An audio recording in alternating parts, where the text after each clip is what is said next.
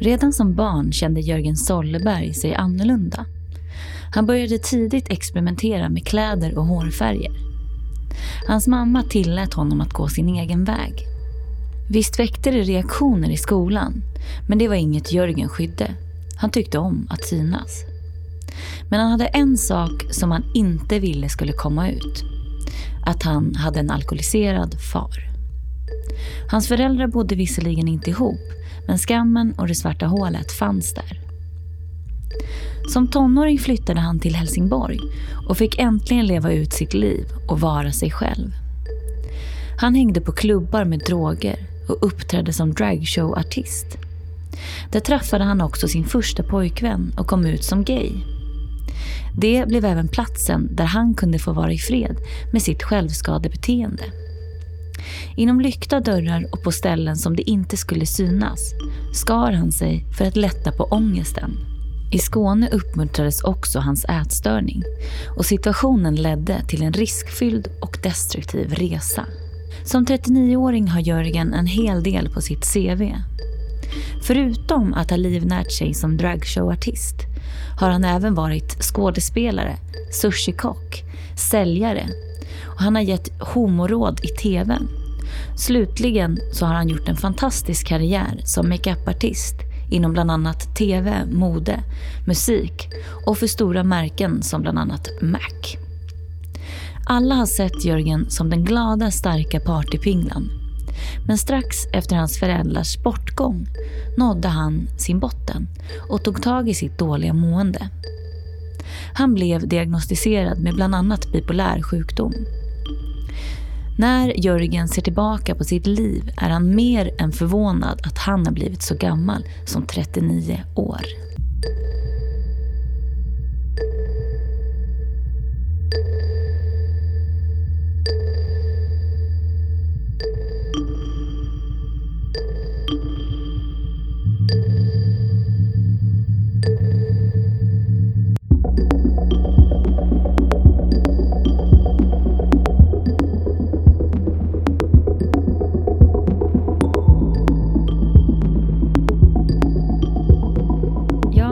Tänkte börja lite sådär, gå tillbaka lite i tiden. Om du ser dig själv som 20-åring, Mm. hur tror du att du skulle beskrivit dig själv då? Jag tror att jag skulle beskrivit mig som glad, sprallig, gränslös, partykille. Är det orden som du har, skulle beskrivit dig om någon frågar vem du var? Eller är Ja. det så du skulle ha identifierat dig in, inombords? Nej, det är egentligen så som någon annan skulle ha beskrivit mig. Jag var egentligen extremt ledsen. Och lite vilsen. Och orolig. Vad hade du liksom för mål då? Vad hade du för drömmar? Och hur såg, såg du på framtiden? Jag, jag hade nog inga långsiktiga drömmar förutom att jag bodde i Göteborg fortfarande då.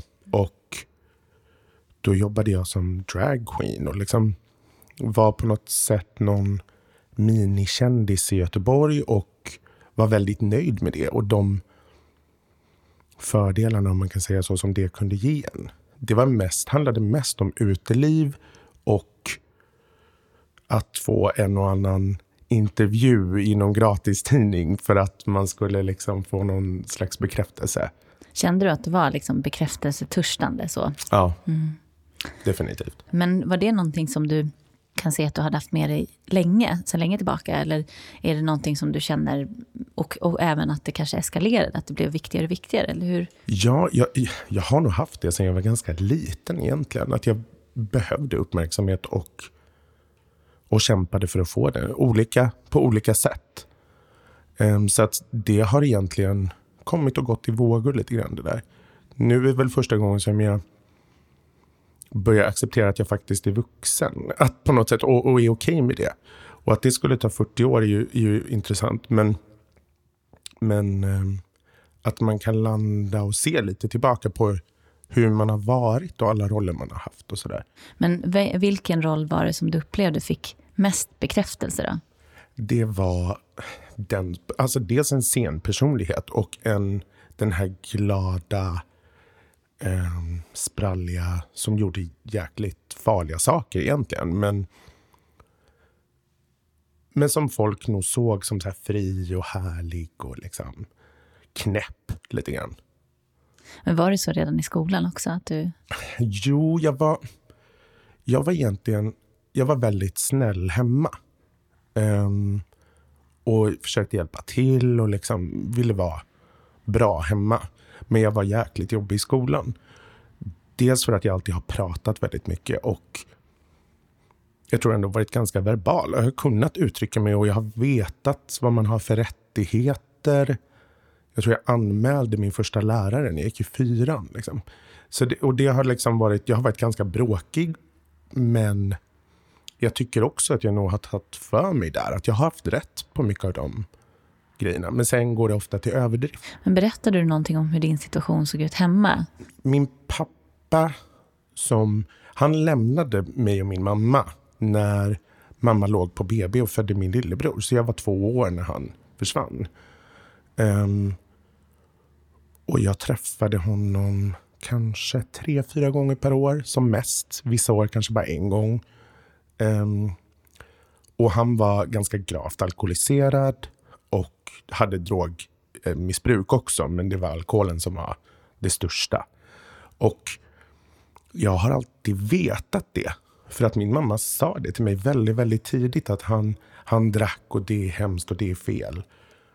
Um, så jag har alltid vetat det, men det har jag nog skämts för. Så att det var ingenting jag sa till kompisar. Jag kunde nästan hitta på att och det var så mysigt så här hemma hos pappa. Och så hade jag inte ens varit hos pappa.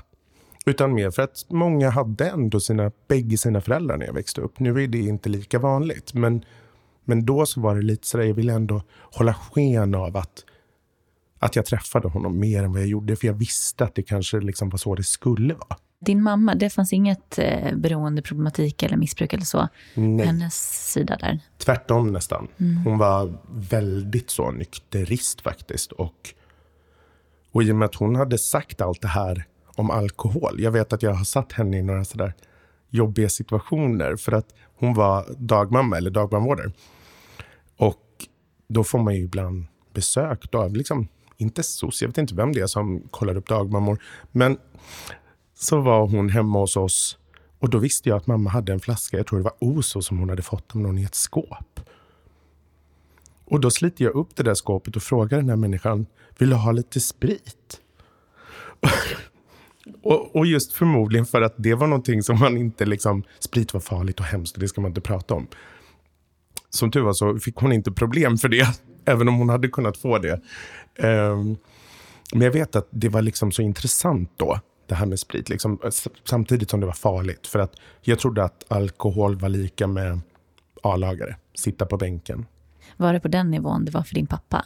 Det vet jag inte riktigt, 100 procent faktiskt. Men, men sen när man har själv blivit vuxen och sett hur det var när man var med honom. Så var det nog så. Jag vet att mamma ville ju kanske egentligen inte att vi skulle träffa honom så mycket.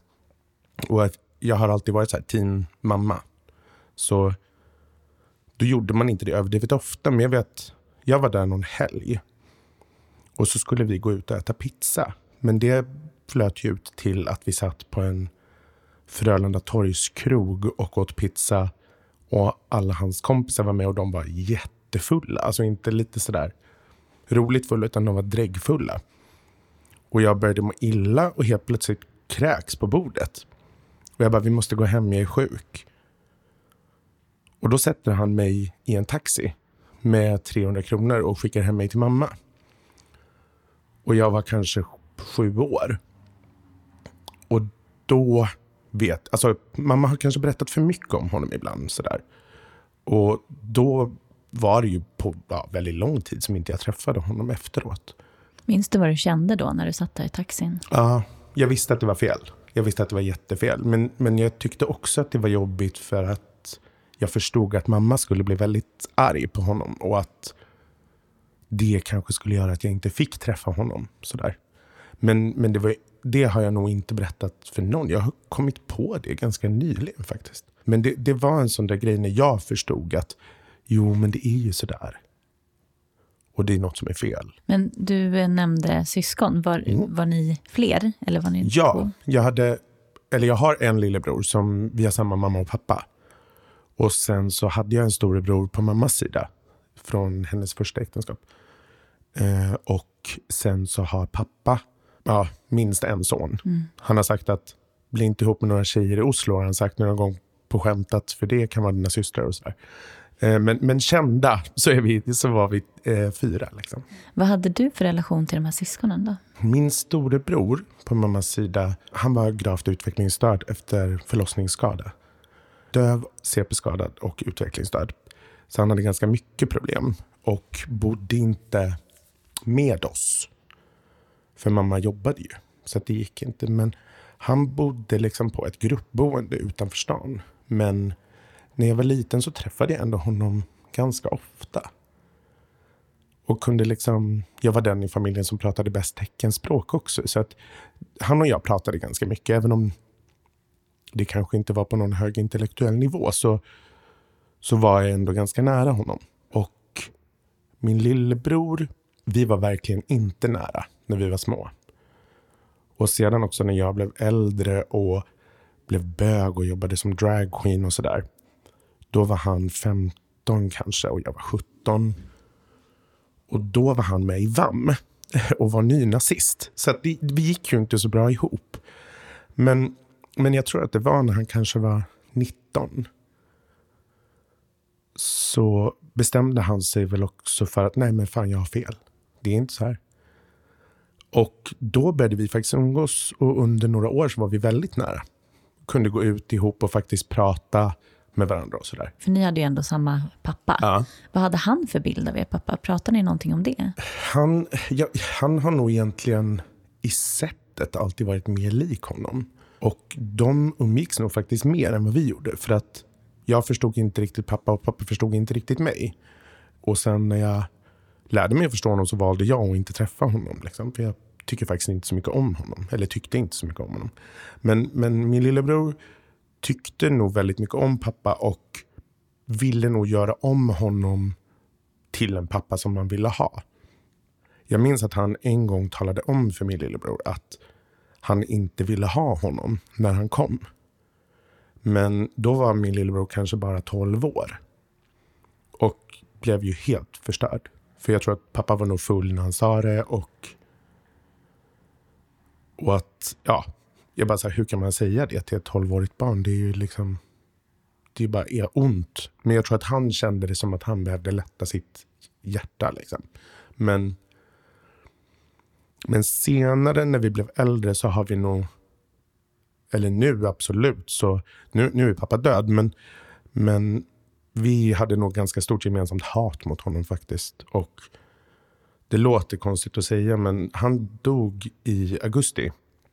Och ingen av oss sörjer det faktiskt. Det är lite mer ett ganska skönt att få ett avslut på den delen. Träffade ni honom bara när han var berusad eller var det under nyktra? Nej, jag vet att om han, mamma hade ingen bil och ingen körkort. Så att om vi skulle vara med honom så kom ju pappa och hämtade oss. Och då kollade hon väl så att han inte var full.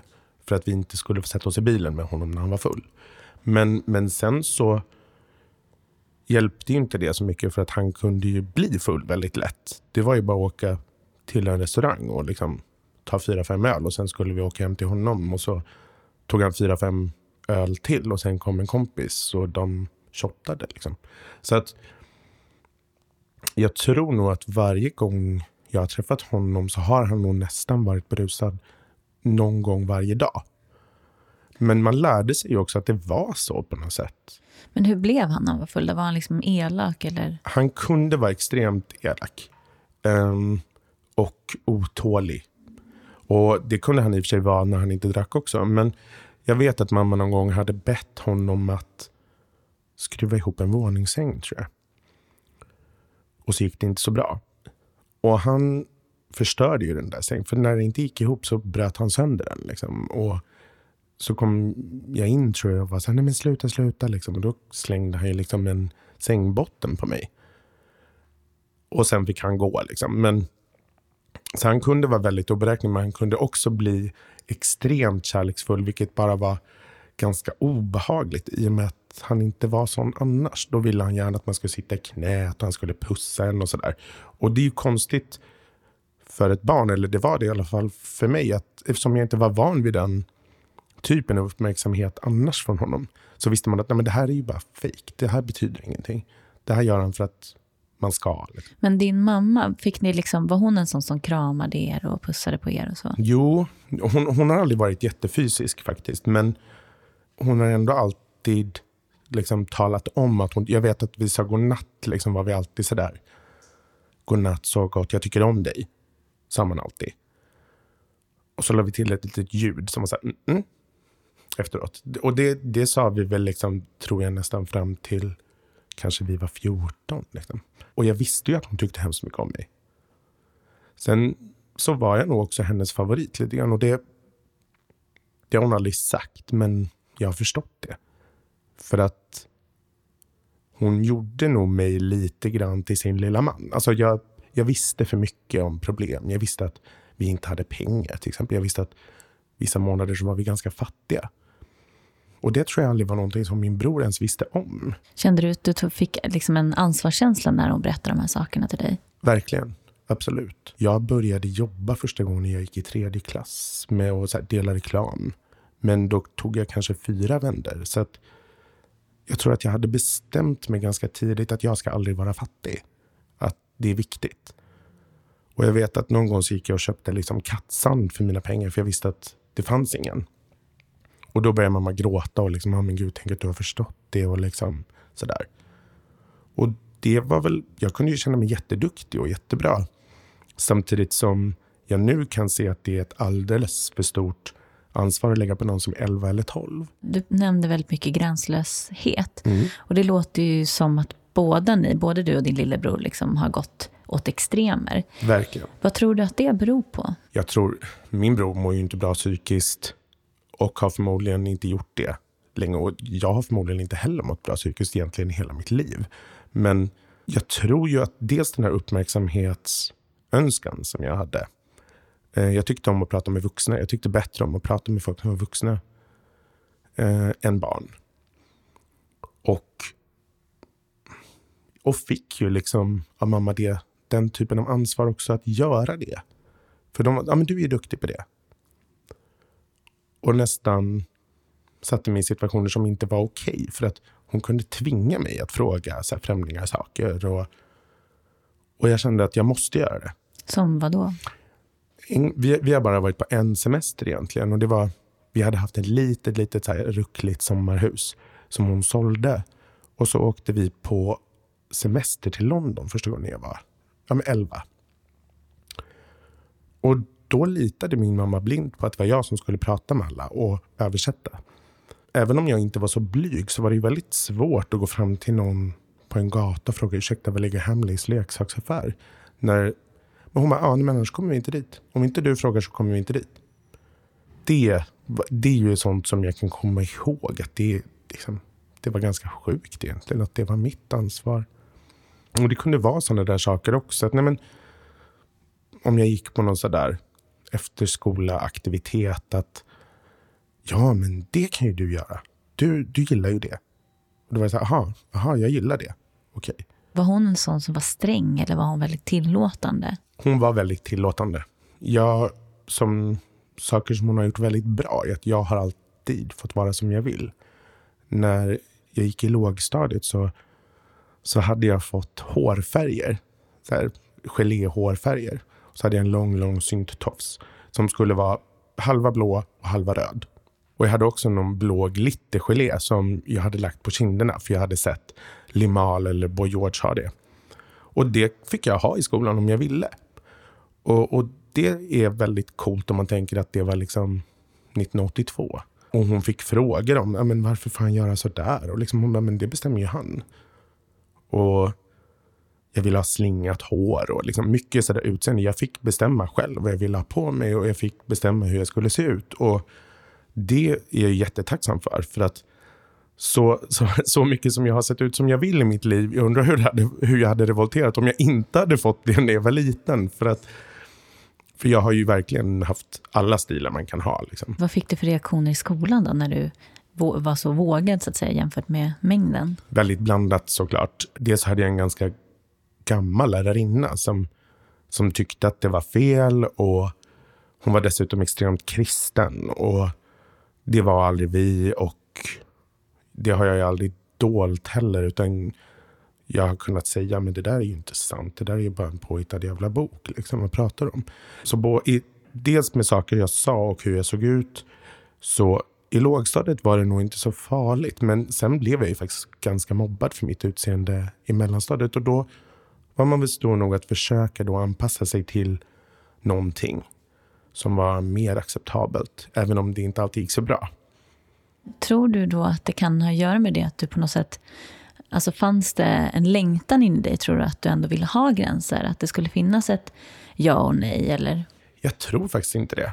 För att för mig var det nog så självklart också att man fick göra lite som man ville. Och, och det handlade inte om att typ vara ute sent på kvällen eller någonting sånt, för det, det skulle jag inte fått. Men, men att jag fick välja mycket saker som hade med mig själv att göra. Vad jag skulle göra, om jag skulle spela något instrument. Och jag vet, jag kunde börja på 20 olika saker och sen slutade jag på alla dem. Och det fick jag också göra. Att det, det, är väl en sak som kanske varit lite dumt. För att det är sånt som har fortsatt i livet. Att jag kan påbörja väldigt mycket och sen slutar jag bara.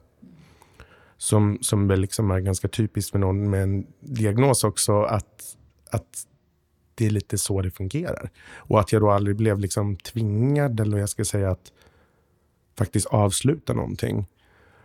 Det, det kanske jag egentligen hade mått bra av. Att bara säga, nej men nu får du i alla fall gå klart den här terminen på fiol för att du har ändå börjat. Men sen så var det nog lite svårt att bestämma över mig också. För jag kunde nog vara sådär, nej. Och det vet ju mina lärare om. Mm. Det låter ju, jag tänker på den där bilden när du eh, drog fram spritflaskan, liksom, mm. när du var på besök där. Det låter ju i mina öron i alla fall som att du sökte någon form av, alltså att du provocerade någonting. Att oh, ja. var, jag vet inte om du ville ha uppmärksamheten eller att det kändes som du sökte någonting. Jag sökte nog reaktioner och, och det, det har jag nog gjort i väldigt mycket jag gör också, alltså även senare. Att oavsett om den var bra eller dålig så vill jag ha en reaktion. Fick du det av din mamma då när det gjordes? Jag tänkte just det där med spritflaskan. Hur reagerade hon då? Jag tror att hon skämdes väldigt mycket och fick liksom sätta sig med den här människan och tala om att det där är en present. Titta här, den är oöppnad. Jag dricker verkligen inte. Um, hon blev inte arg sådär, alltså så att hon har ju aldrig varit hon har aldrig liksom brusat upp mot någon av oss egentligen. Och, men förklarade väl, liksom försökte förklara att det där var verkligen inte bra. Um, det där hade kunnat göra så att jag inte får jobba som dagmamma längre och sådär. Då, det förstod jag ju väl då också, men jag förstod väl inte hur allvarligt det hade varit. Men att jag sen kunde hitta andra sätt. Liksom, som att jag klädde till exempel ut mig väldigt ofta till Lena Nyman när jag var barn. För det var min idol. Um, och gjorde någon sketch så fort mamma hade vänner hemma liksom, i en prickig kjol.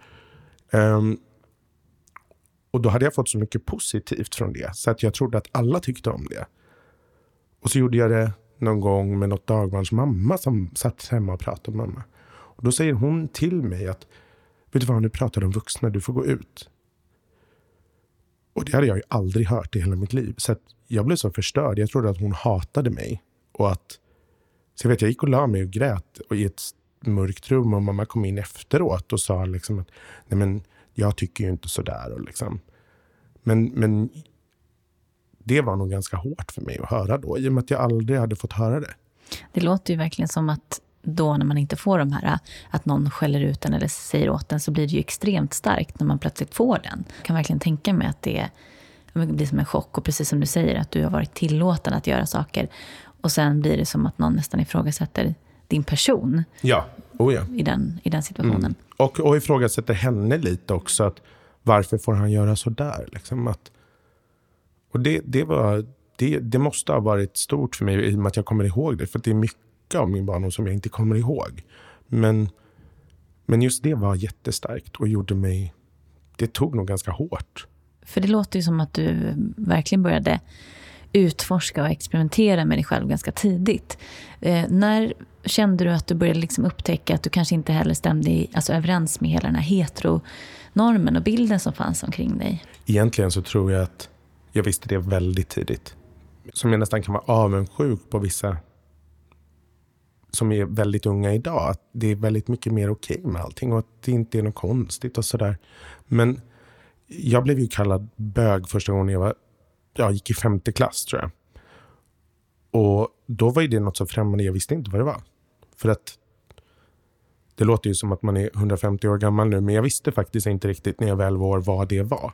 Och då bestämde man ju bara att det är någonting jag inte är. För det i och med att man säger det som ett skällsord eller, eller jag, först, jag förstod att det var inte snällt menat. Så det var jag inte då liksom. Men, men sen har jag nog alltid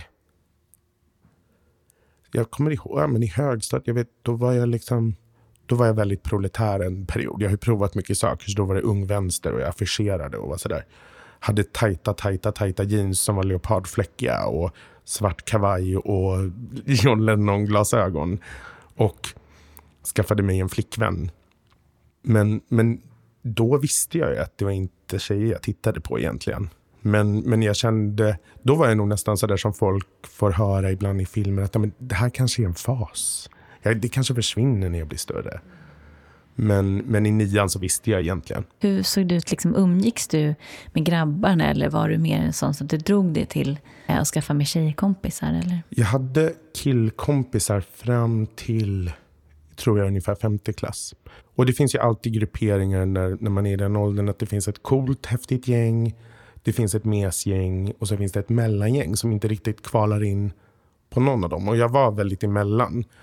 Men hade då turen, eller om man ska säga att den snyggaste, coolaste tjejen i klassen eh, som hette Jennifer råkade liksom ha blivit min bästa kompis. Så att även om jag då inte var med i det här gänget så kunde jag sväva lite mellan alla de här tre grupperna. Så att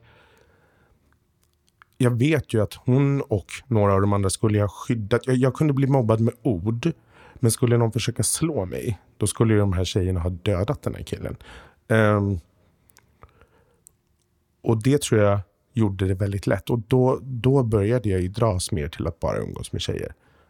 Uh, och då försvann också de killkompisar jag hade haft när jag var yngre. För att då var, jag var för olik. Jag avskydde sport.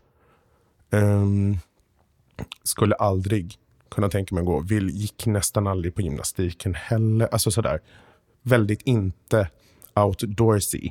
Som, som väldigt många av de andra killarna var. Utan jag tyckte mycket om att sitta hemma och titta på MTV eller eh, skriva ner låttexter som jag ville lära mig och, och sånt där. Och då, då passade det ju mycket bättre ihop med mina tjejkompisar.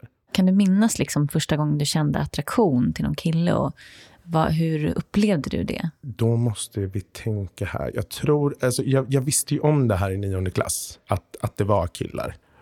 Och, men det var liksom ingen i min närhet, alltså det var ingen av mina klasskompisar. Eller, då var det nog du vet, någon snygg vikariekille kanske som var så 25 som man bara, ja men han är ju snygg liksom. Att man också kunde säga det. För det, det, är så, det är så tråkigt ibland med rädda straighta killar att de låtsas om som att de inte kan se om en annan man är snygg. Och det, det är så bullshit. Alltså det är ju, jag kan ju se om en tjej är snygg eller vad jag tycker är snyggt hos en kvinna även om jag inte tänder på det. Så, att, så då kunde jag normalt säga, ja, men han var lite så här fotomodell och hade varit med i Ellos. Och då kunde man ju så här, hitta den där gamla Ellos-katalogen och se honom i kalsonger. Och det var ju helt sjukt. Det var ju väldigt spännande. Så då visste jag, men, men det var inte förrän första ring i gymnasiet som jag, som jag faktiskt liksom verkligen, då kunde jag till och med liksom antyda till någon att det kanske var det jag gillade. För det låter ju uppenbarligen som du ändå höll den här situationen med din pappa hemlig och så. Mm.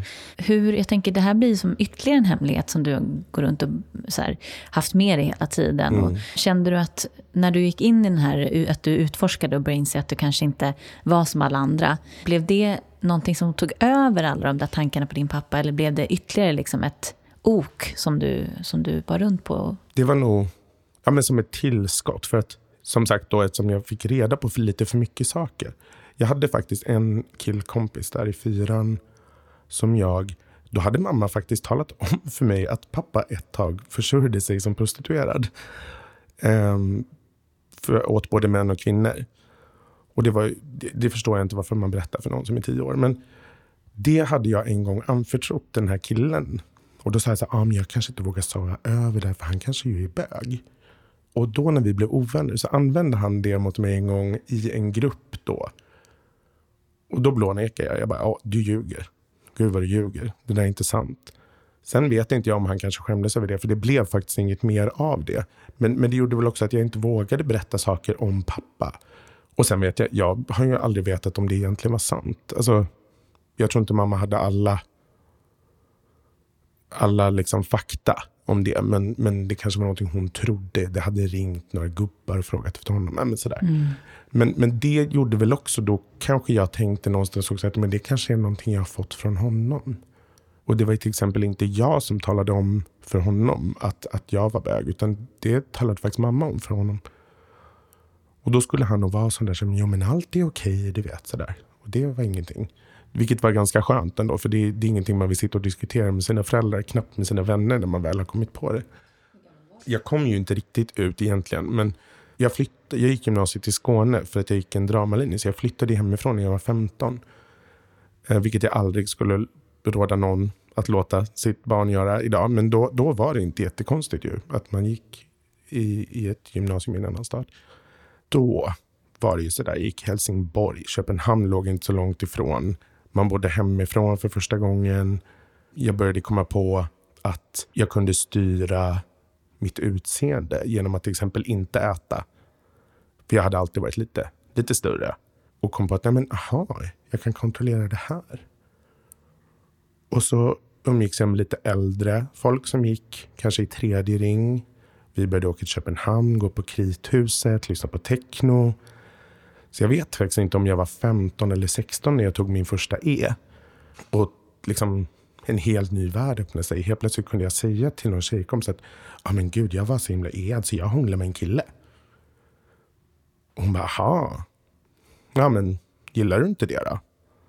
Jag bara, jo, det gör jag nog. Och, och, mamma var ju faktiskt tvungen att fråga. Efter det där året när jag var borta så dels var jag helt förändrad till utseendet när jag kom tillbaka och hade gjort en annan version av mig själv. Och umgicks bara med liksom så här modelltjejer och liksom, ja, hade bytt ut nästan allt. Och då var mamma sådär att ja, men, du umgås ju med så himla många snygga tjejer och, och, och populär där. Och så här, men dejtar du någon av dem? Eller liksom, gillar du någon av dem? Och så här, nej. Och man sa, men finns det någon kille du gillar då? Nej. Och sen så sa jag väl så här, ja men jag gillar bägge.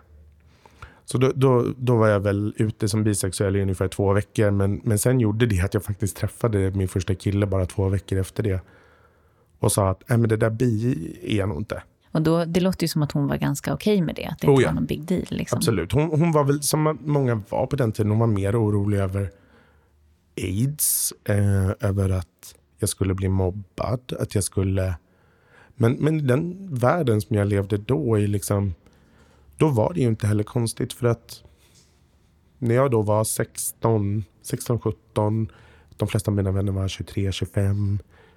Jag gick på Park Lane och Bacchus som var de coola ställena i Göteborg. Och, och jag, jag gjorde min så debut som dragqueen när jag var 16 på en klubb. Alla trodde att jag var 23.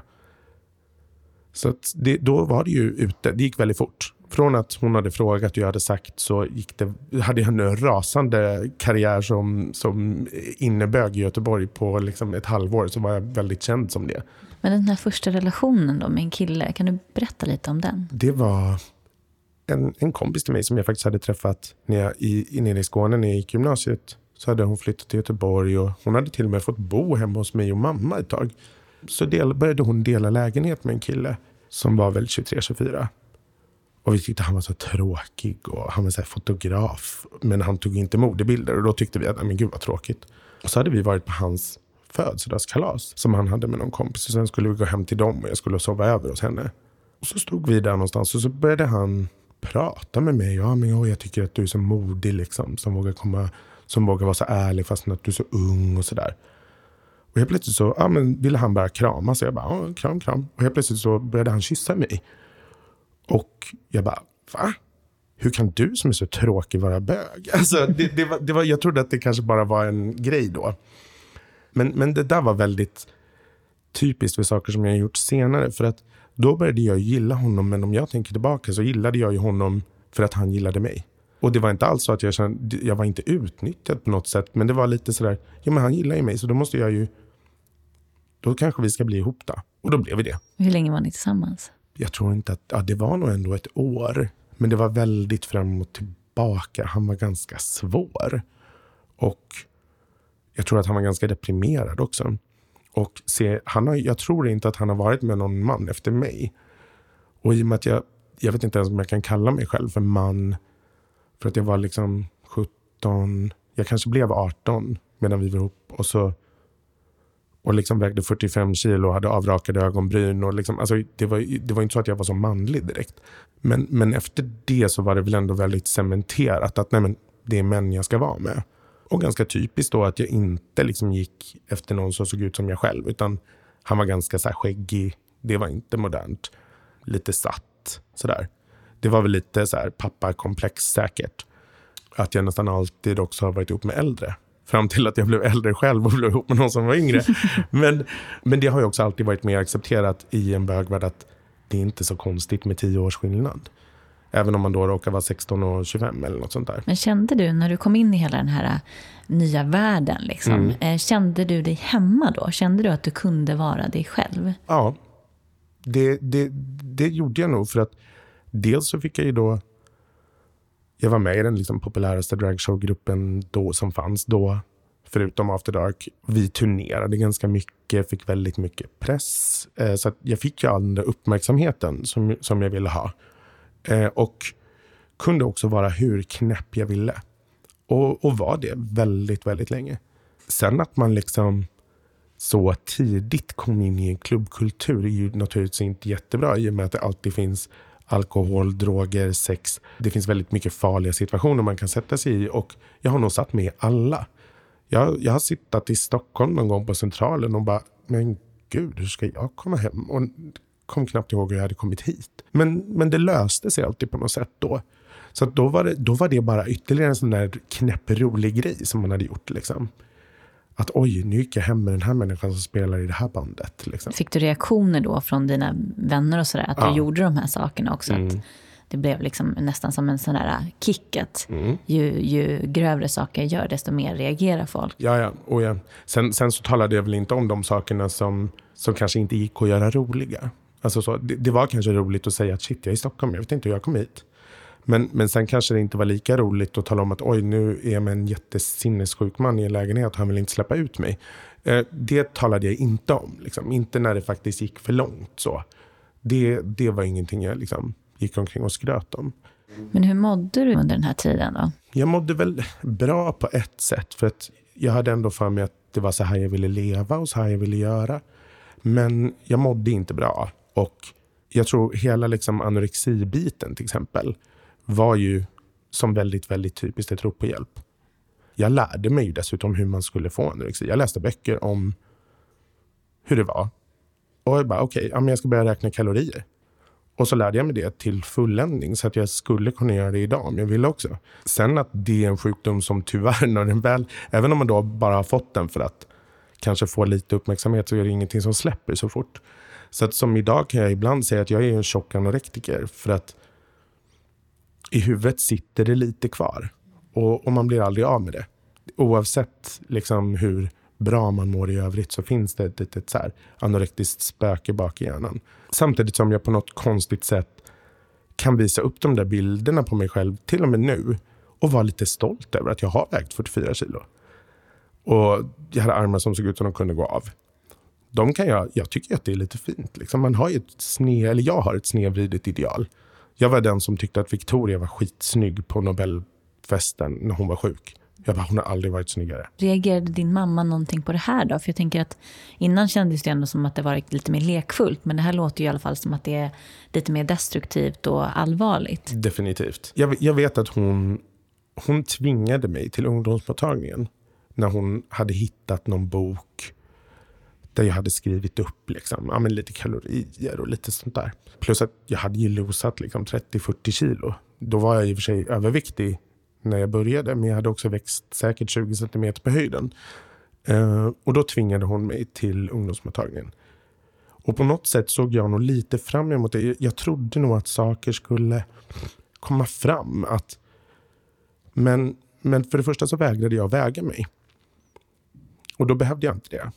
Och sen så hade jag en man, en psykolog, som då skulle utreda mig. Och han sa på fullaste allvar till mig att Nej, men vet du, det är ingen fara för att pojkar kan inte få anorexi. Jag tror att jag var så chockad redan då att han ens sa så. Så att, då var jag så här, nej men gud vad bra. Kan du säga det till min mamma då? Och det gjorde ju han. Och då behövde inte jag gå dit mer. Men, men sen har det faktiskt blivit att jag, jag har alltid själv fått kämpa för att komma in i psykiatri.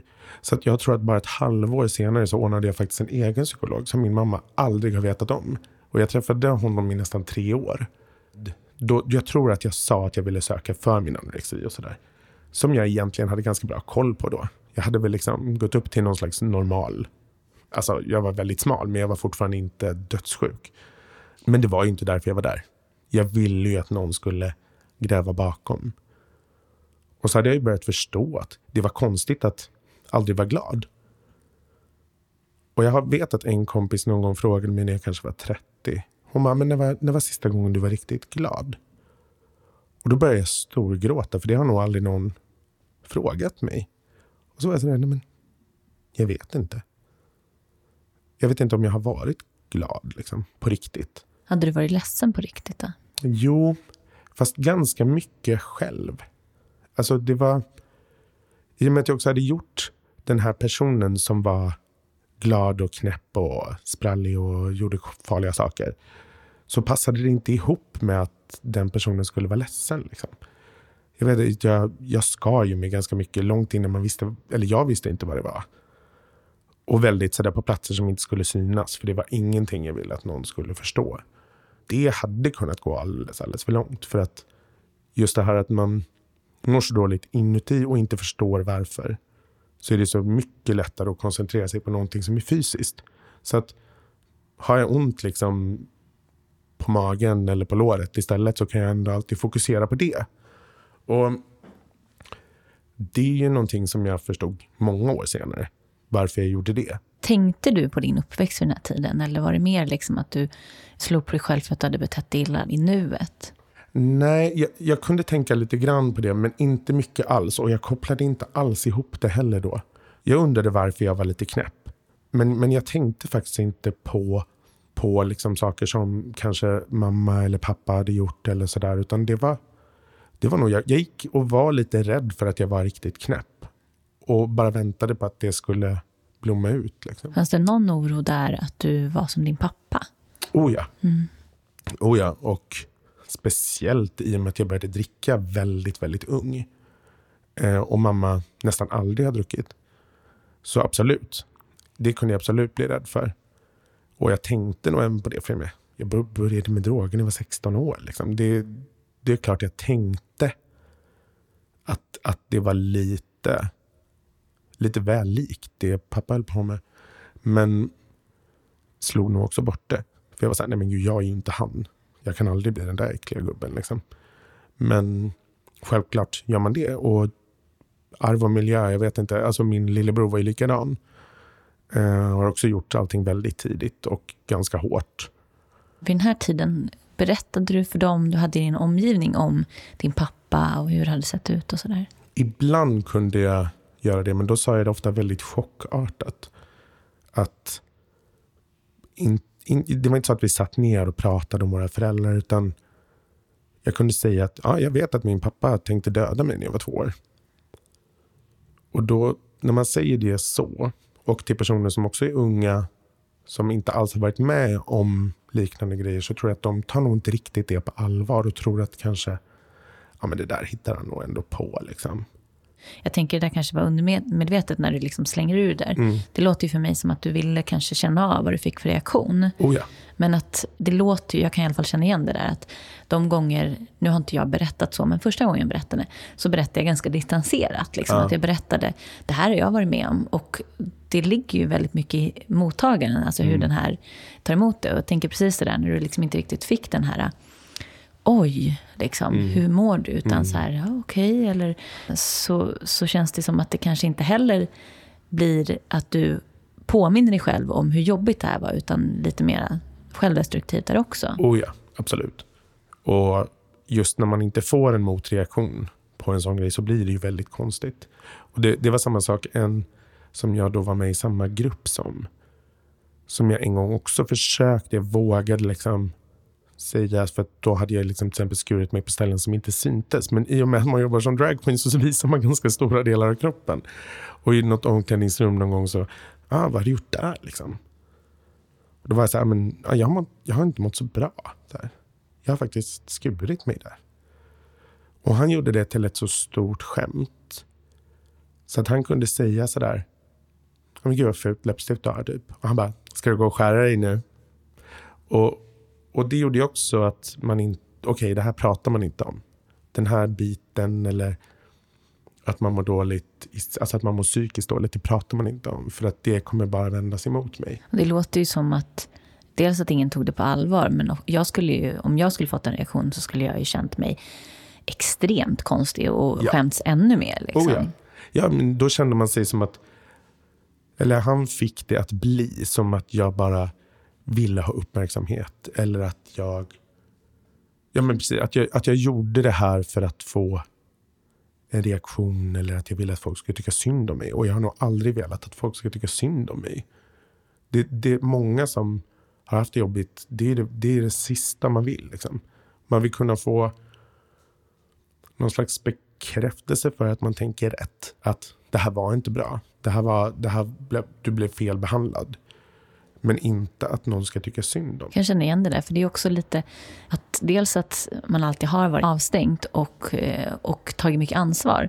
Så det är liksom på något sätt lättare att ta den här rollen och stötta andra eller förstå andra och så, än att vara den som ska ta emot. Yeah. Eh, när någon liksom tycker synd om en. Eller, jag kan känna det även om någon har liksom berömt mig. Mm. Så är det liksom mycket lättare att säga äsch. Så. Ja, ja. Även fast man ändå gjorde ja, massa saker för Jag att få tar beröm. inte beröm bra, fortfarande inte. Jag vet, samma sak, jag har svårt om någon sjunger Jag man leva för mig. Jag tycker mm. det är jättejobbigt. Jag kan nästan så här, jag kan få lite ångest av det. Mm.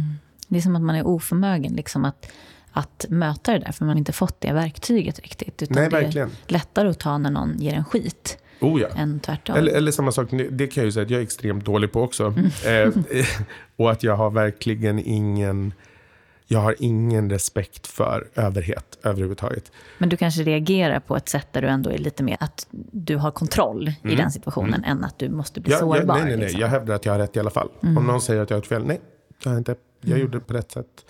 Och blir, kan bli extremt våldsam till och med om jag får kritik som inte jag tycker är befogad. Mm. Men eh, det är ju någonting som man också bara måste lära sig. Och det har jag väl lärt att tygla lite grann. Men, men sen ibland beroende på hur jag mår och liksom vad man har för skov hit och dit så, så, så vet jag ju att det kan gå jättefel. Mm. Sen händer andra saker. Som jag vet så har du gjort en karriär. Och eh, hur hittade du vidare? För att det här var ju en period som låter extremt tuff. Mm. Och du började gå som psykolog. Kände du att det här tog dig ur det? Nej, Nej det, var, det var också... I och med att jag var ganska ung och hade aldrig varit, då hade jag aldrig varit i en terapisituation förut. Så jag vet ju nu att jag undanhöll hemskt mycket för den här psykologen. Fast att jag tyckte ganska mycket om honom och litade på honom så var det saker jag inte vågade säga. Som att jag redan när jag var 16, 17, 18 visste att jag drack för mycket till exempel. Och att det skulle jag aldrig ta upp med honom. För att det kändes som en för stor svaghet. För då var jag väl för lik pappa. Liksom. Eh, och att jag till exempel var ordentligt promiskuös skulle jag heller aldrig ta upp med honom. Och det var ju så stora bitar som förmodligen egentligen hade hjälpt mig ganska mycket om jag hade sagt då. Men, men det var ingenting jag var bekväm att prata om. Så att därför struntade jag i den biten. Liksom. Så att egentligen så, det var nog bara skönt för mig att jag visste att någon jag hade någon varje måndag som jag kunde prata med. Eh, och sen vad jag valde att prata om det var lite olika. Men eh, så hur tog du dig vidare? För det här låter ju som att det var en, en ganska svår, alltså när man är inne i en sån här bubbla, liksom, väldigt mm. destruktiv bubbla och det snurrar på. Hur fortsatte du och hur tog du livet sig vidare ur det här? Ja men precis. Jag, dels efter den här jag åkte väldigt mycket fram och tillbaka till England då, efter jag hade hoppat av gymnasiet. Och trodde väl att jag ville bo där lite grann. Liksom. Och så kunde jag åka dit och göra något jobb så att jag kunde vara där två månader. Sen åkte jag hem igen, bodde hos mamma, jobbade på ett café. För att bara få ihop pengar för att kunna åka tillbaka. Men sen när jag liksom kom tillbaka och visste att nej, jag skulle vara i Göteborg och sådär. Och fortsätta försöka jobba. Och då hade jag också börjat, börjat jobba lite som makeupartist i och med att jag hade kommit på att jag kunde ju det där. Först så gick det väldigt, väldigt bra, väldigt, väldigt fort. Jag började få jobb ganska tidigt på grund av att jag också, jag har kunnat marknadsföra mig själv. Jag har också inte varit så rädd för att bara göra saker. Och folk sa, ah, men har du gjort bodypainting någon gång? Ja, då, sa jag. Det hade jag aldrig gjort. Och helt plötsligt så, så stod jag på liksom och skulle jobba som, med smink på NKs stora visning i Göteborg för pressvisningen och hade egentligen ingen aning om vad jag höll på med. Du hade utbildat dig till makeupartist vid det här laget? Eller Nej, men jag sa det. Jag sa att jag hade gjort det och sen så började jag i och för sig jobba med ett märke och en affär som, som betalade en utbildning för mig. Så att i början så hade jag inte det, men, men jag sa att jag hade det. Och det har jag sagt någon gång, eller några olika gånger sådär, till folk som har frågat. Och de bara, men var det ingen som kollade upp det? Då var det ju inte det. Det var, det var ingen som bad få se papper. Jaha, liksom, vad då för utbildning? Då kunde jag säga, men jag har gått till USA. Jag har aldrig varit i USA. Eller jo, nu har jag det, men då hade jag inte det. Så jag började bara göra saker. Började göra jobb och det gick ganska fort. Och jag började göra mycket musikvideos. Som senare blev väldigt stora. Alltså, sådär. Det, var, det är musikvideos som man fortfarande kan se ibland och då kan jag skämmas ögonen ur mig. Liksom. Men det gick fort och så började jag få lite för mycket jobb. Och jag jobbade liksom både med showa, med att sminka. Jobbade på någon sushi-restaurang. Alltså sådär. Och det blev väldigt, väldigt mycket. Och jag har aldrig sovit bra. Till exempel, jag har aldrig haft lätt för att sova. Så att jag sov inte.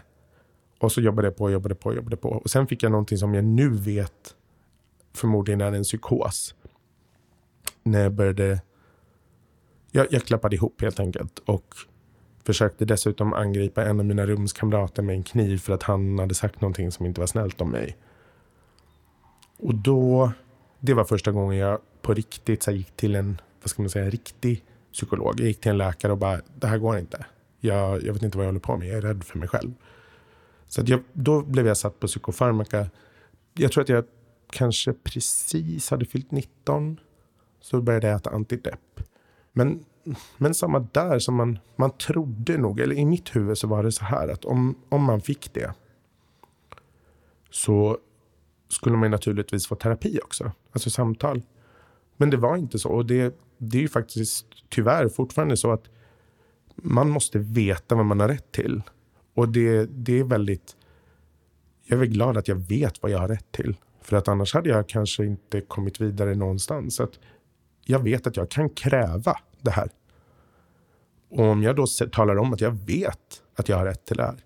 Så kan jag också få det. Men, men om man då säger att man har en annan typ av sjukdom där man inte kan prata för sig själv eller inte vågar sätta sig upp mot någon som säger nej det, det är ju det är rätt skrämmande. Att, jag tänker hur många som mår dåligt. Liksom. Jag tror alla mår ju dåligt någonstans. Jag tror inte att någon går omkring och är superlycklig hela tiden.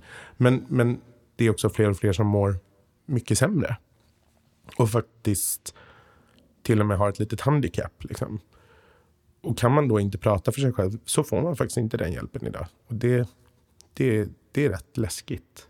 För mig så låter det som en vändpunkt. Blev det det? Nej. Då valde jag att flytta till Grekland med, med en tjejkompis. Um, på vinst och förlust. Hon hade säsongat väldigt många och hon hade bott där också några år. Men också mycket äldre än vad jag var. Så då gjorde jag det. Tog ut liksom medicin för ett halvår eller vad det var. Och bara drog. Och visst, var, då vet jag att jag hade haft någon terapeut som sa ja, men det kan ju vara bra med lite, med lite luftombyte. hur man nu kan säga det till någon som inte har pengar och säger att jag ska flytta till Grekland. Men, men jag gjorde det i alla fall. Eh, och var där ett tag, ganska länge. Eh, och hade liksom något dragjobb, något affärsjobb, lite sådär. Men det var nästan ännu mer. Det var ju bara, bara destruktivt där. Det var liksom droger som helt plötsligt var tredjedel så dyra som hemma.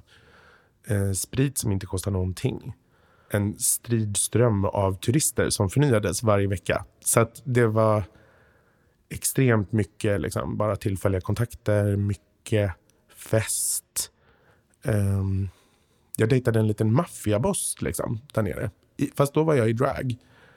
Och har fattat efteråt att det var skitfarligt. Liksom. Och sen när jag drog därifrån då flyttade jag till Skottland för en snubbes skull.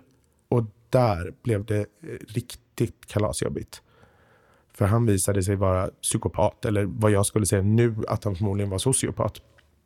Um, som misshandlade mig otroligt mycket. Jag kunde ha köpt fish and chips hem. Och då var han så här, men du vet att jag inte tål lukten av fisk. Han bara, du får gå ut och äta i trappuppgången. Och då gjorde jag det. Så här, satt där och visste att det var fel. Liksom, och varför tar jag det här? och så där.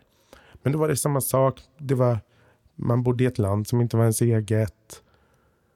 Um, men då, då, vet jag att jag vaknade av att han hade försökt strypa mig en gång. Då vaknade jag på hans köksgolv. Och han har gått in och tittat på tv och så här, sitter och super. Och då var jag så här, men gud, jag kan på allvar dö här, tror jag. Jag, jag kan dö här. Och ringde så här, collect call hem och jag bara, jag måste ha pengar, jag måste komma hem. Ja, har det hänt någonting? Ja, det har det liksom. Men det gick jättefort. Super, super fort. Hur länge har du varit tillsammans med honom? Jag var där ett halvår ungefär. Men, men om jag ska vara ärlig så kommer jag kanske ihåg tre dagar av dem. Jätteunderligt. För vi gjorde inte heller så mycket. Vi var inte ens utanför lägenheten så mycket. Utan till slut så vågade inte jag prata nästan. Liksom. Men, men där var, det, det, det där var en sån sak som jag skämdes så mycket för. Så att det tog jättelång tid innan jag berättade det. Jag, jag kom hem och jag låtsades, eller du vet jag saknade honom så mycket och ringde och liksom. Och faktiskt glömde bort det. Jag tror att det var alldeles för jobbigt att det hade hänt. Så det var, jag tror att det tog ett år innan jag berättade det för någon. Och det är en av de också så få grejerna. Folk som vet allt man har gått igenom och sådär kan vara. Ja, men ångrar du väldigt mycket? Och det gör jag inte. Då, jag är skuldsatt, jag har liksom råkat göra farliga saker, jag har råkat illa ut, jag har skadat andra människor. Men det är en av de få sakerna jag ångrar. Om jag inte hade kanske dratt till Grekland, eller åtminstone inte åkt till Skottland därifrån. För det, det är en sån sak, nej det hade jag nog väldigt gärna haft ogjort. Och sen så fortsatte det där egentligen när jag kom hem. Jag tror bara att jag fick byta psykofarmaka för att min kropp mådde inte så bra av den medicinen. Och sen började jag ju få vredesutbrott och psykosliknande symptom. Så att då satte man bara in lugnande också. Och då hade, jag, då hade jag väl kommit på att jag på något sätt ville ta tag i saker och läsa in gymnasiet. För jag, jag gick ju en dramalinje som på allvar inte hade några grundämnen. Vi hade till exempel inte matte i mitt gymnasium. Så att jag började läsa in på komvux. Men samtidigt så och var sådär, jag ska inte hålla på och supa och ta droger. Liksom. Men, men samtidigt så kunde jag ta fem Sobril om dagen för att kunna gå till den här skolan. Och jag, vet, jag, jag träffade en, en, en väldigt nära vän som, som har varit med länge när jag var i Göteborg i helgen. Och jag bara, men kommer du ihåg hur jag såg ut när jag gick till skolan? Och då var det så här, ja, jag hade så 25 centimeters buffalos, en sarong och typ en crop top och bindimärke i pannan. Och jag kommer inte ihåg någonting från det där. Alltså jag kommer inte ihåg en enda lektion. Jag kommer ihåg engelskan för att jag alltid varit väldigt bra på engelska. Men, men det, andra, alltså de, det är ju flera år som jag bara tog bort av lugnande. Liksom. Känns det som en sorg i dig eller kan du nästan tycka att det är skönt att du inte minns?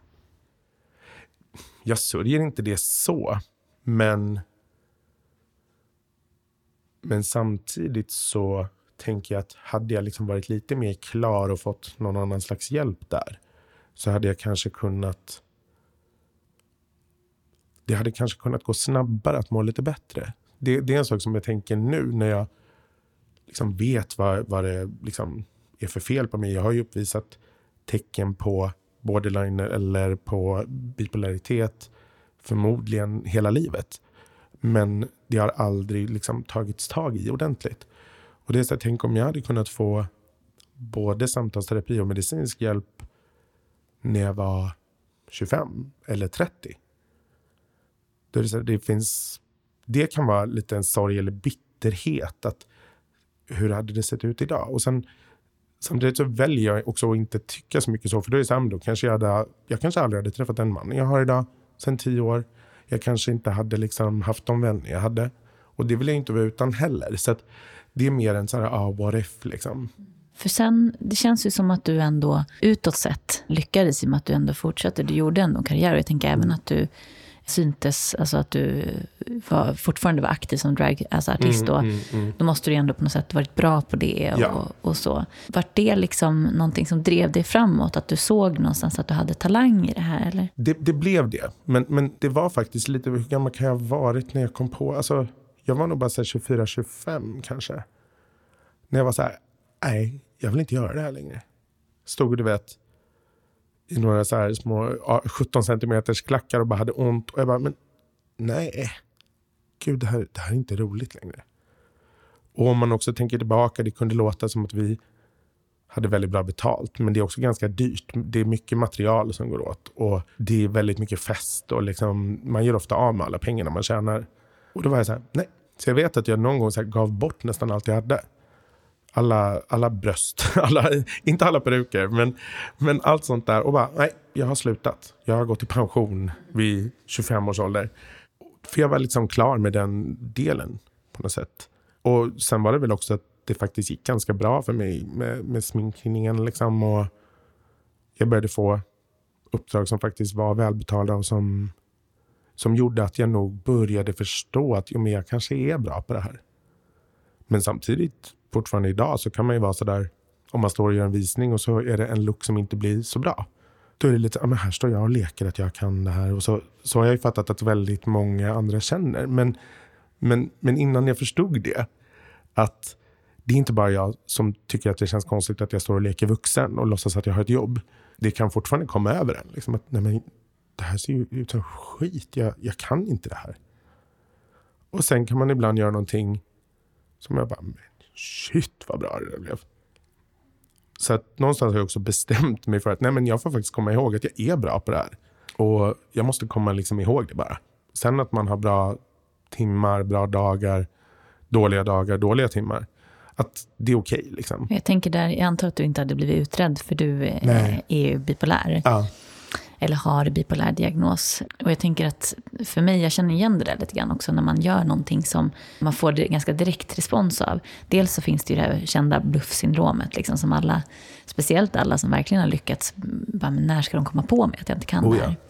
Men jag tänker också att det jag kan känna igen där är att när man är liksom uppe i en hypoman eller manisk period så är man för det första ofta ganska duktig. Eller hur? Men också att man har det självförtroendet och man kan jobba på så pass mycket så att det blir svinbra. Mm. Och sen under depressionerna så, så är man just det där bluffen, att man är så dålig och liksom, det skulle inte spela någon roll, även om man gjorde något bra så skulle man inte se det. Nej. Men jag upplever också att då var mina jobb sämre mm. under de här perioderna. Mm. mm. Men det är också svårt att förstå det eh, när man inte vet just att det kan bero på någonting sånt exempelvis. Ja, det, det är sånt som jag har försökt förklara för folk. att Jag tror aldrig att jag är så uppskattad som när jag har ett hypomant skov.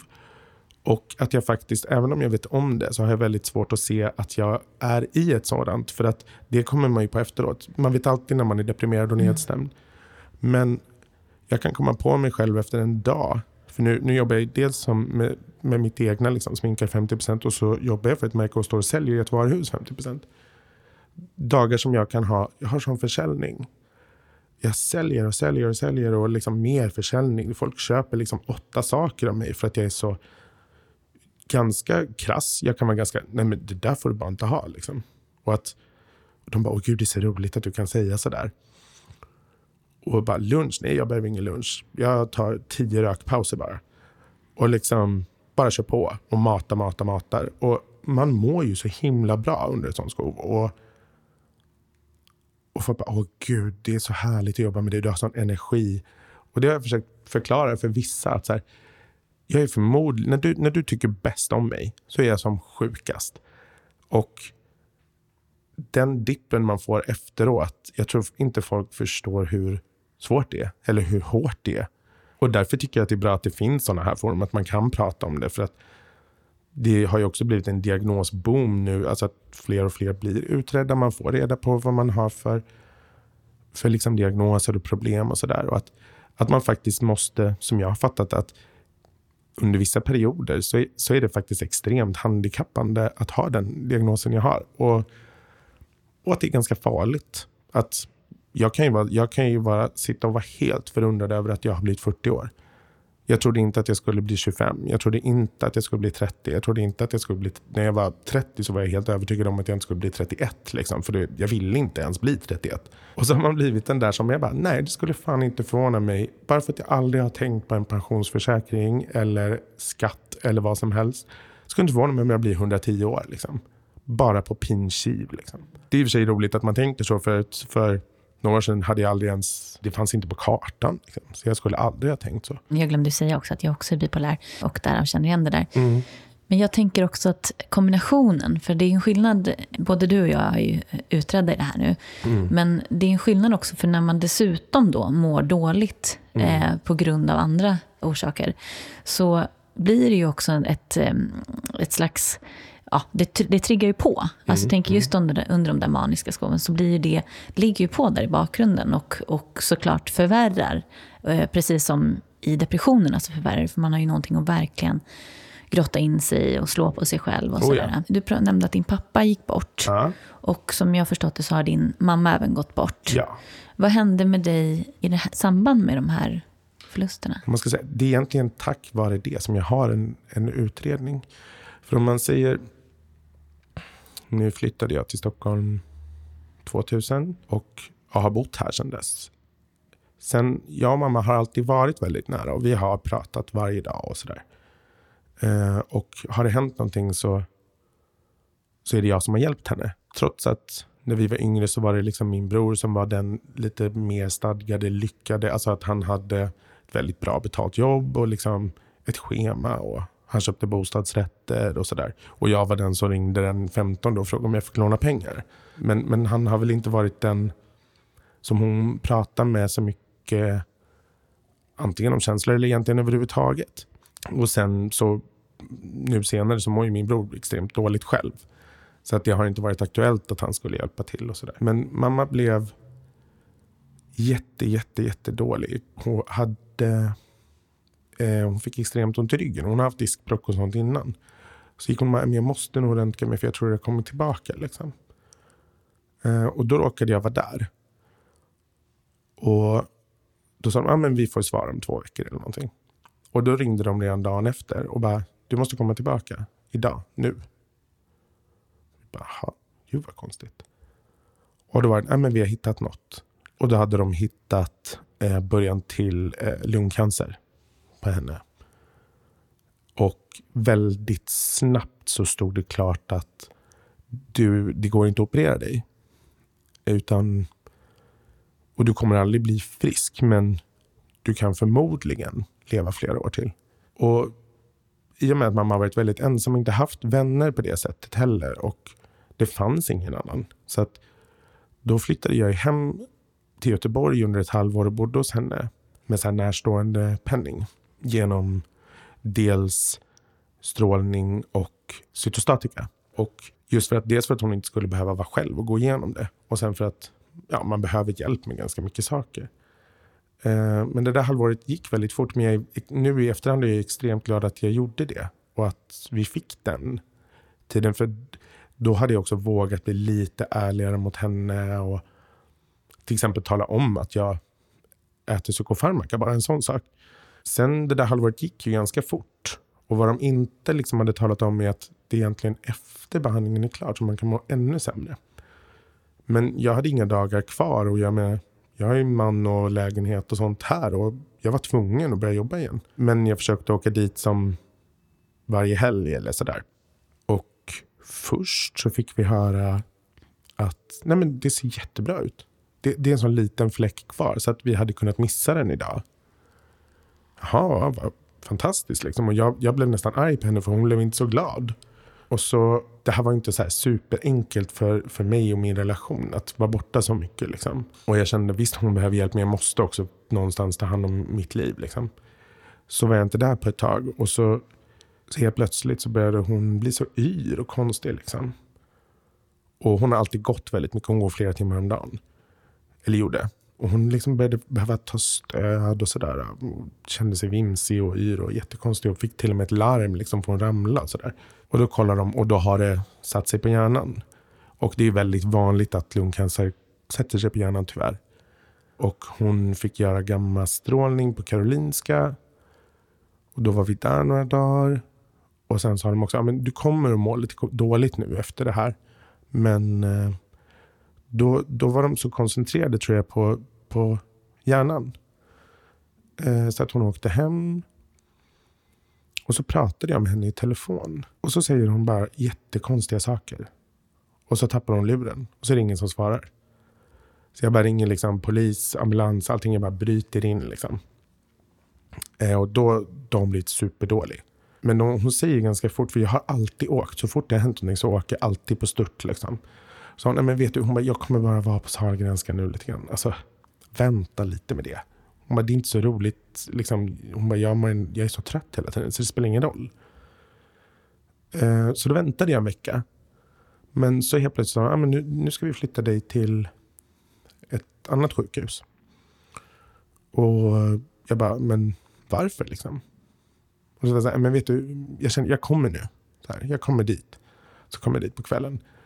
Och då hade de liksom inte riktigt talat om för henne varför hon var där. Då hade ju liksom lungan kommit tillbaka med tre gånger större kraft.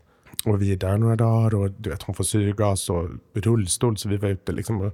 Det, det, är en sån, vi har alltid kunnat ha lite kul och sånt. Vi kan garva åt det. Jag, bara, jag körde henne med hennes lustgas på rullstolen. Och körde runt i Högsbo som vi inte visste någonting om. Och så fick vi reda på efteråt att det är jättefarligt till exempel att röka när det är en sån lustgastub. Och jag kedjeröker ju när jag är utomhus. Och vi började bara gapskratta åt det. Vi bara, ah, det hade ju varit lite komiskt om vi hade sprängt oss i luften. Liksom. Men ja, och så helt plötsligt så säger de bara så här att ja, alltså vi vet ju inte riktigt liksom.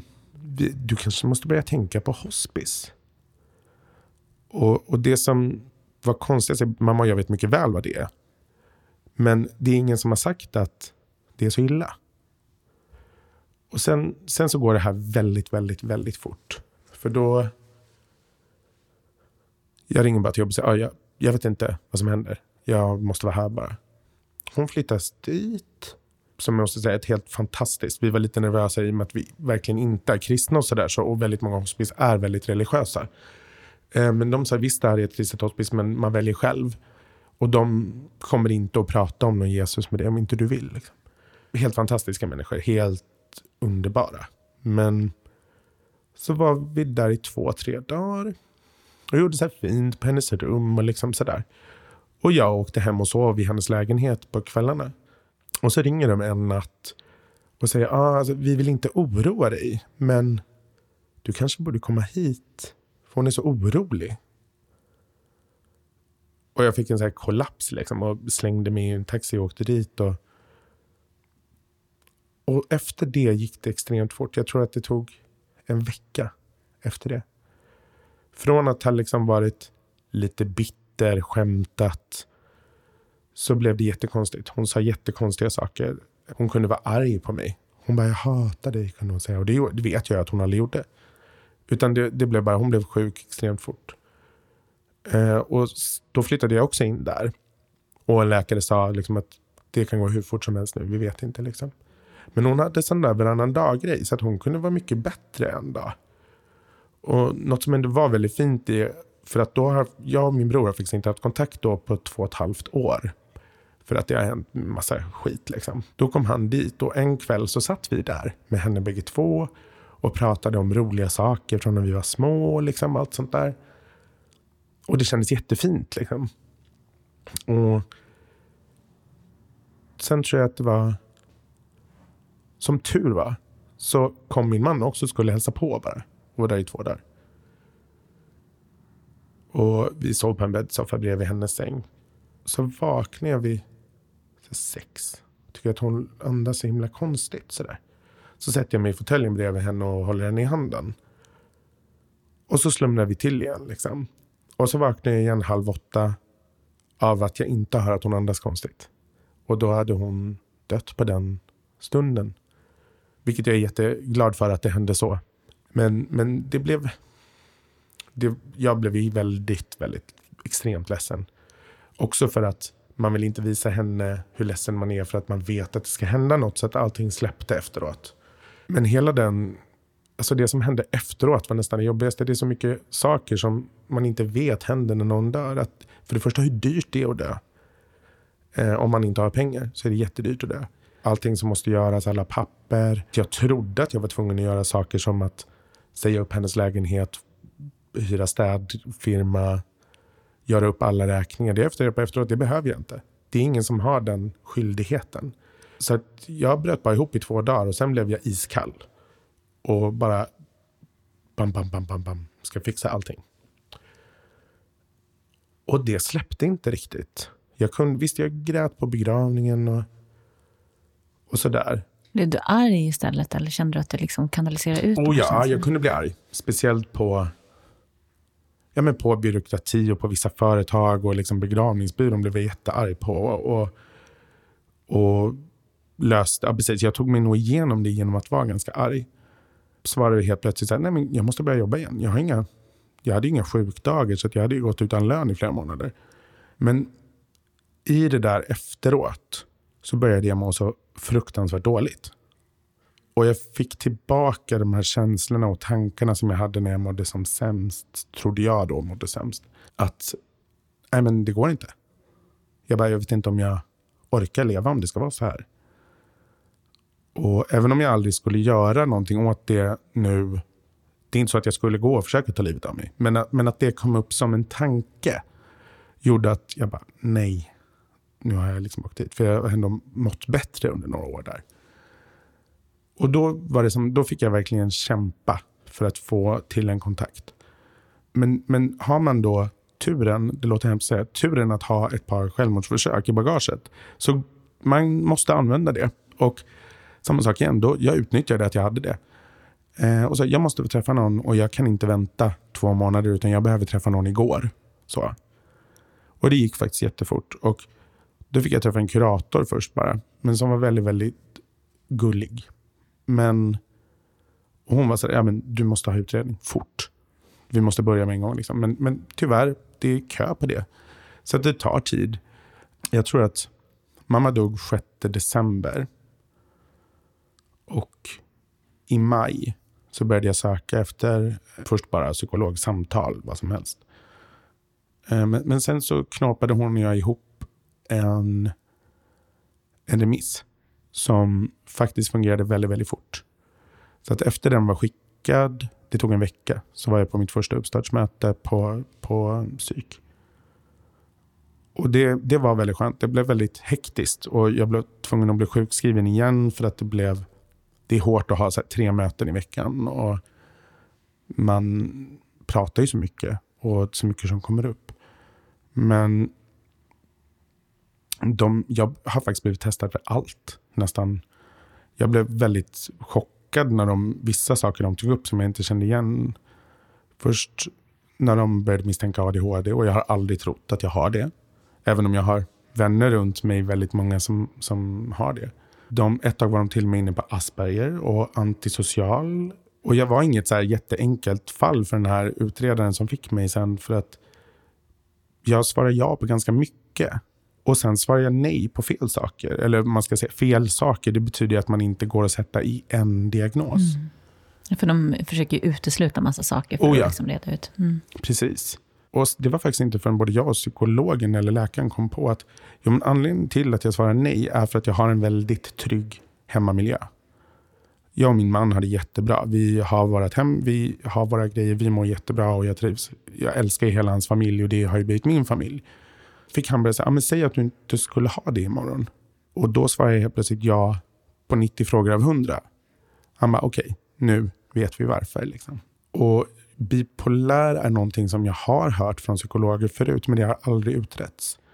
Eh, borderline har jag också hört många gånger. De, det var väldigt svårt att klara ut vilket av det jag hade. Och sen att jag liksom snear in på vissa diagnoser till. Liksom. Jag vet, min svärmor frågade mig, liksom, blir du inte rädd när de säger sådär? Men jag, blir, jag är ju inte rädd för det. För att jag har ändå någonstans fattat, ah, okej, okay, jag mår inte så bra psykiskt, men jag vet själv att jag tycker att jag är smart. Jag har överlevt ja, 40 år. Då, då kan jag ju inte vara helt, helt tappad eller så. Så att det var ju faktiskt tvärtom. Det var, det var jätteskönt att få ett ord. För innan så har det varit så här, ah, vad är det för fel på dig? Ah, jag är deprimerad. Det är så här, ah, men, kan man verkligen gå 21 år som deprimerad och medicinerad? Liksom? Ja, det kan man tydligen. Men att bara att få ett papper, det spelar ingen roll. Och jag är en sån som kan vara... Jag kan tycka att det är väldigt jobbigt med folk som får en diagnos och sedan väljer att skylla alla sina dåliga egenskaper på det. Som att jag är tre timmar sen. Ja, ah, men jag har faktiskt ADHD.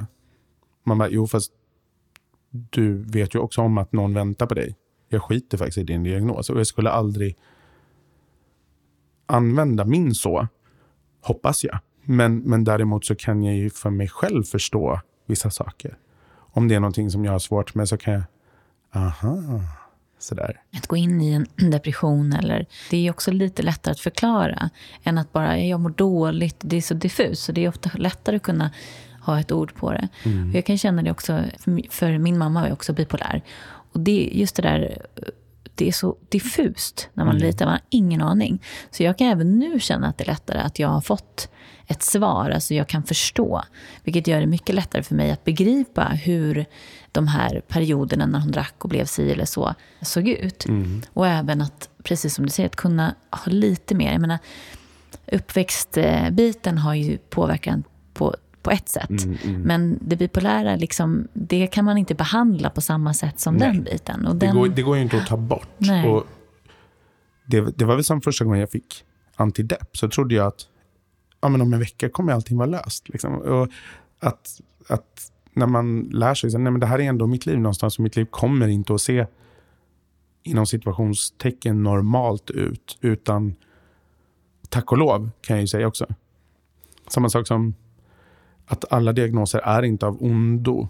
Och speciellt jag har kompisar som, som har ADHD och att man nu också väljer i utredningar att inte medicinera bort all ADHD heller. För att då hade vi liksom inte haft några konstnärer. Vi hade inte haft några författare. Om man medicinerar bort all psykisk ohälsa. För det, det är väldigt mycket kreativitet som sitter i den också. Och, och det är sånt man får välja. För de har sagt att ah, du kanske har lite ADHD nu också, men det är absolut ingenting. Vi tänker inte ens fortsätta utreda den, för det är ingenting som handikappar dig. Utan mer liksom ja, lära sig bara hur man lever med det. Ja, det där är ju också väldigt många som är väldigt kritiska till att säga att man är eh, mm. bipolär. Mm. Ja, för mig, jag, jag har mycket lättare. Jag tycker det är ganska skönt att säga att jag är mm. bipolär. För att det är en del av mig mm. eh, och det kommer vara det. Och det är mycket lättare för mig att det är inte, det är inte jag, men jag är. Liksom. Och det är en stor skillnad. Men jag tänker just det här eh, i samband med det här, blev det då också att du började gräva lite mer och började reda ut det här? Eh, hur det här faktiskt hängde ihop med din uppväxt och din pappa som alkoholist och så här. Mm. Ja, på något sätt blev det också så där. Jag har, jag har väldigt länge sagt att jag vill skriva en bok som kommer handla ganska mycket om mig. Då, så. Men, men jag har också sagt att jag, jag, kan inte göra det. För att för det första, både jag och min mamma läser över hundra böcker per år. Och hon skulle hitta den där boken oavsett vad jag kallade mig och veta att det var jag som hade gjort den. Och Det är mycket som jag har skyddat henne från och inte velat att hon ska veta.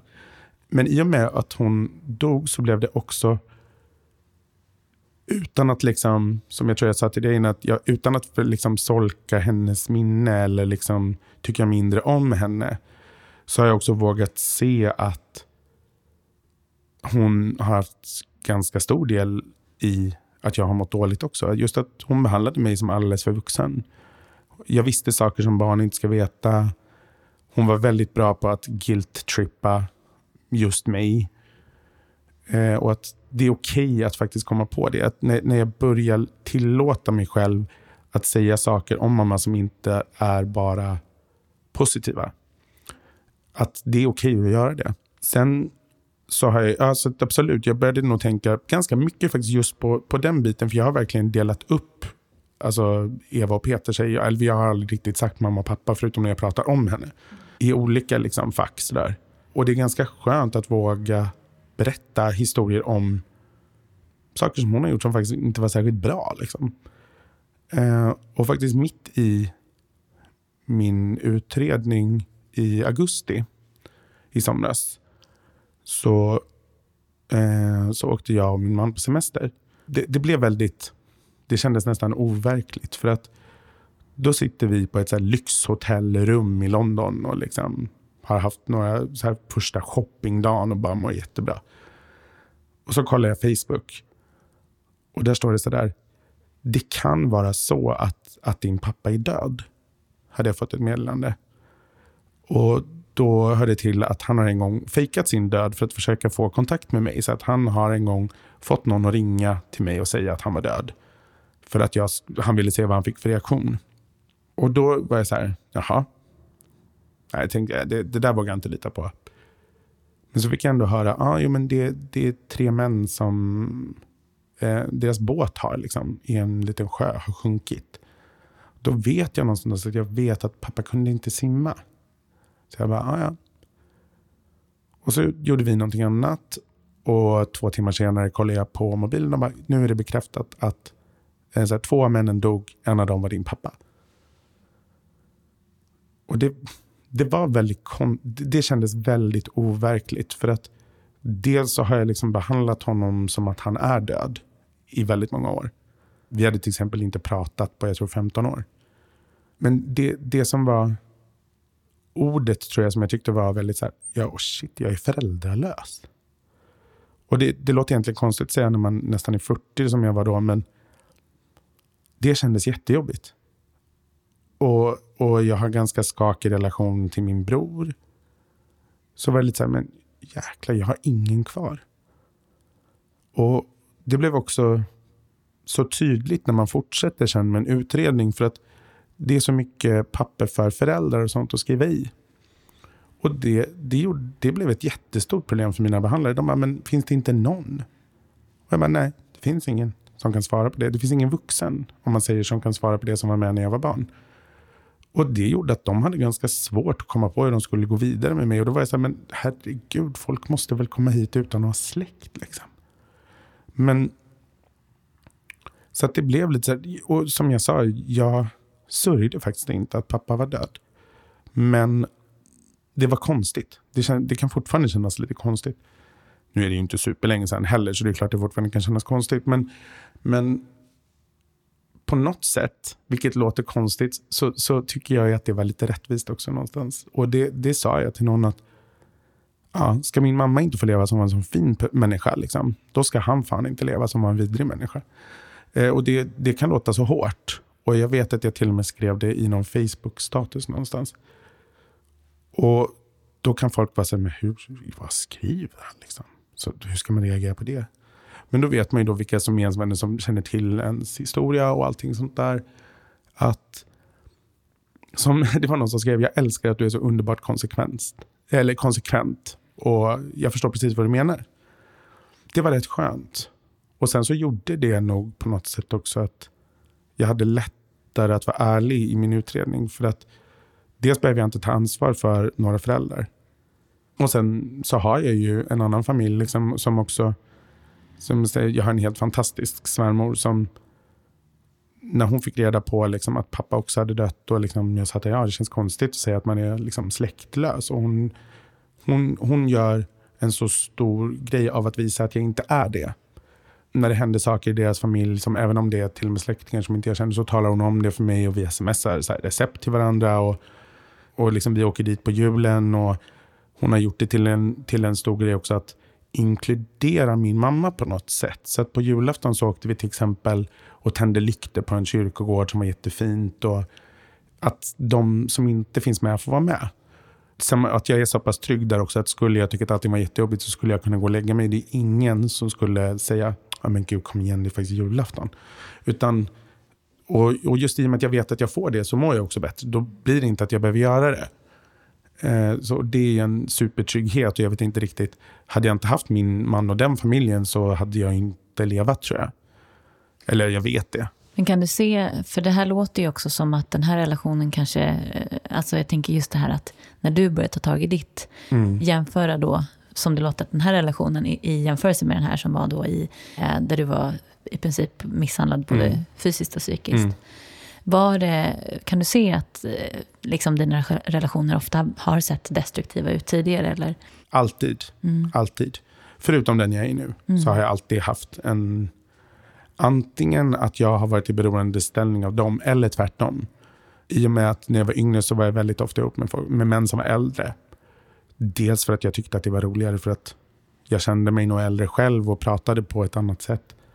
Och det har alltid varit destruktivt faktiskt nästan, jag kan nog inte komma på någon sund relation som jag har haft. Och det, det kan nog gälla ganska många kompisrelationer också som jag har haft innan. Eh, som, som jag kan ofta ha gjort till små miniförhållanden. Att, och när jag, när jag faktiskt förstod det själv, jag tror att jag läste en bok om någon, första ordet jag hörde ordet narcissist. Liksom. Och så kunde jag säga, men det där är ju jag. Jag, jag, jag är ju precis, så där jobbar jag. Liksom. Och att jag kan dels vara extremt manipulativ. Eller nu försöker jag att inte vara det längre. Liksom. Men att, att jag försöker till exempel, eller att inte försöka omedvetet till och med så kan jag knyta en person så hårt till mig. Speciellt då tjejkompisar när man var yngre. Och man älskar dem så, så mycket i början så att det är nästan som ett förhållande. Det är som ett platoniskt förhållande och ingen får komma emellan. Det är liksom nej. Jag kan nästan stänga in mig med den här personen och bara nu ska vi veta allt om varandra och grotta in oss. Och, liksom. och att jag faktiskt kom på mig själv med att jag också i 20-årsåldern gärna tog folk som kanske inte var jätteerfarna och nästan hade dem som sminkdockor. Vet, att, ja, men nu ska vi gå ut och du ska se ut så här. Och jag kan förlänga ditt hår och sen så ska jag sminka dig och så ska du ha på dig, köp de här grejerna. Och också så här, ja men nu ska du prova knark. Och när jag tänker efter på det så är det ganska vidrigt för det är ganska många för jag själv har haft perioder där jag har tagit väldigt mycket droger, men jag har aldrig, även om jag har, jag har säkert blivit skadad av det, men jag har alltid kunnat sluta. Men att jag vet att det finns folk som jag har sugit i mig så mycket och sen tröttnar jag. Så att på mindre än ett halvår så, så kan jag den där personen och är totalt ointresserad av att fortsätta. Och mer eller mindre kasta bort dem och kan då nästan ha dragit in dem i ett drogberoende med det jag själv bara slutar och går vidare och har en annan period. Um, och när jag kom på, läste om de här vidriga människorna liksom, och kom på att jag gör sådär. Och väldigt aktivt jobbade för att inte göra så. Dels för att det såklart är, skadar andra människor. Och sen att man kan inte hålla på så som vuxen heller och det är ingenting jag vill göra. Men när man kom på att man kan sätta ett ord på att man själv har gjort det så är det förmodligen folk som jag borde du vet, skriva och be om ursäkt till. Nu, nu har det, aldrig, det har inte gått riktigt illa för någon av dem faktiskt. Så det här att man kan konsumera folk. Det är tyngd att bära. Alltså jag tänker så här att du säger att det är skadat dem, men ja. det är också en tyngd att bära. Liksom. För någonstans, även om man ganska duktig på att förtränga saker, så ligger det ju där och, oh ja. och gnyr och gnager. Liksom. Så det är klart att det alltså, säkerligen har påverkat dig väldigt mm. negativt. Mm. Och ännu ett skäl att liksom, tycka illa om dig själv och fly mm. från dig mm. själv. och sådär. Absolut. Det var, det var nog det, den tanken jag fick in där någonstans. Och det är inte... Om jag skulle säga det någon så här, det är inte en... Det är inte ett försvar, men det är en förklaring. Mm. Att jag nu till exempel har fått lära mig att man inte gör så. Att, ja ah, okej, okay, men jag, jag har ändå det här kan jag ha gjort på grund av att jag har den här sjukdomen. Eller jag har gjort det på grund av att jag har, har den här sjukdomen. Och, och som jag säger, det är inte ett försvar, men det är en förklaring. Det är en ganska stor insikt också. Mm. Att jag tänker, när man alltid då, så är det ju för väldigt många medberoende att det är, man ägnar otroligt stor del av sitt liv till att försvara. Alltså man tycker ju i, sin, i sitt perspektiv alltid att man har rätt motiv bakom mm. det man gör. Och därför så kan man alltid lägga så otroligt mycket energi att försvara. Så bara den här stunden att stanna upp och inse att att jag eller att du har gjort någonting som mm. faktiskt inte är bra, mm. är ju en jätte, ett jättestort kliv på vägen. Att kunna liksom se att jag behöver förändra någonting mm. också. Mm. Ja, absolut. absolut. Sen, sen så tror jag också, för det, det hände mig åt andra hållet för några år sedan. En väninna som liksom sög in mig. Och det var hon som var den dominanta. Och liksom, um, och hon ljög om allt. Hon, hon sol och vårade mig till och med. Alltså hon tömde några av mina kreditkort. Hon, jag fick reda att hon hade tänkt att stjäla min hund. Alltså, hon, var, hon hette inte ens det namnet som jag kallade henne. Fick reda på efteråt att hon hade ett annat namn och hade gjort så här i flera, flera år. Hon är förmodligen väldigt, väldigt sjuk. Eh, men att då, efteråt kunde jag känna mig så dum att jag gick på det. Och sen så kunde jag då, även om jag inte har gjort så grova saker som hon gjorde mot mig, så kan jag ändå säga, ja, jag har ju varit sån där. Jag har ju gjort så där själv. Och att jag tror att, och det, det är inte så att jag gräver ner mig i det liksom. Utan bara, det var bara skönt att se att jag vet om att jag själv kan göra så och att jag inte vill göra så. Du fick liksom uppleva mm. dig själv där nästan som en käftsmäll. Ja, verkligen. Mindre. Men en spegling sådär som jag, som jag känner igen, alltså jag tänker det här som du pratade om med din mamma och att mm. du har tagit stort ansvar och funnits där som en liksom, hennes eh, psykolog hennes eller skvallerkompis eller så. Kompis framförallt. Mm.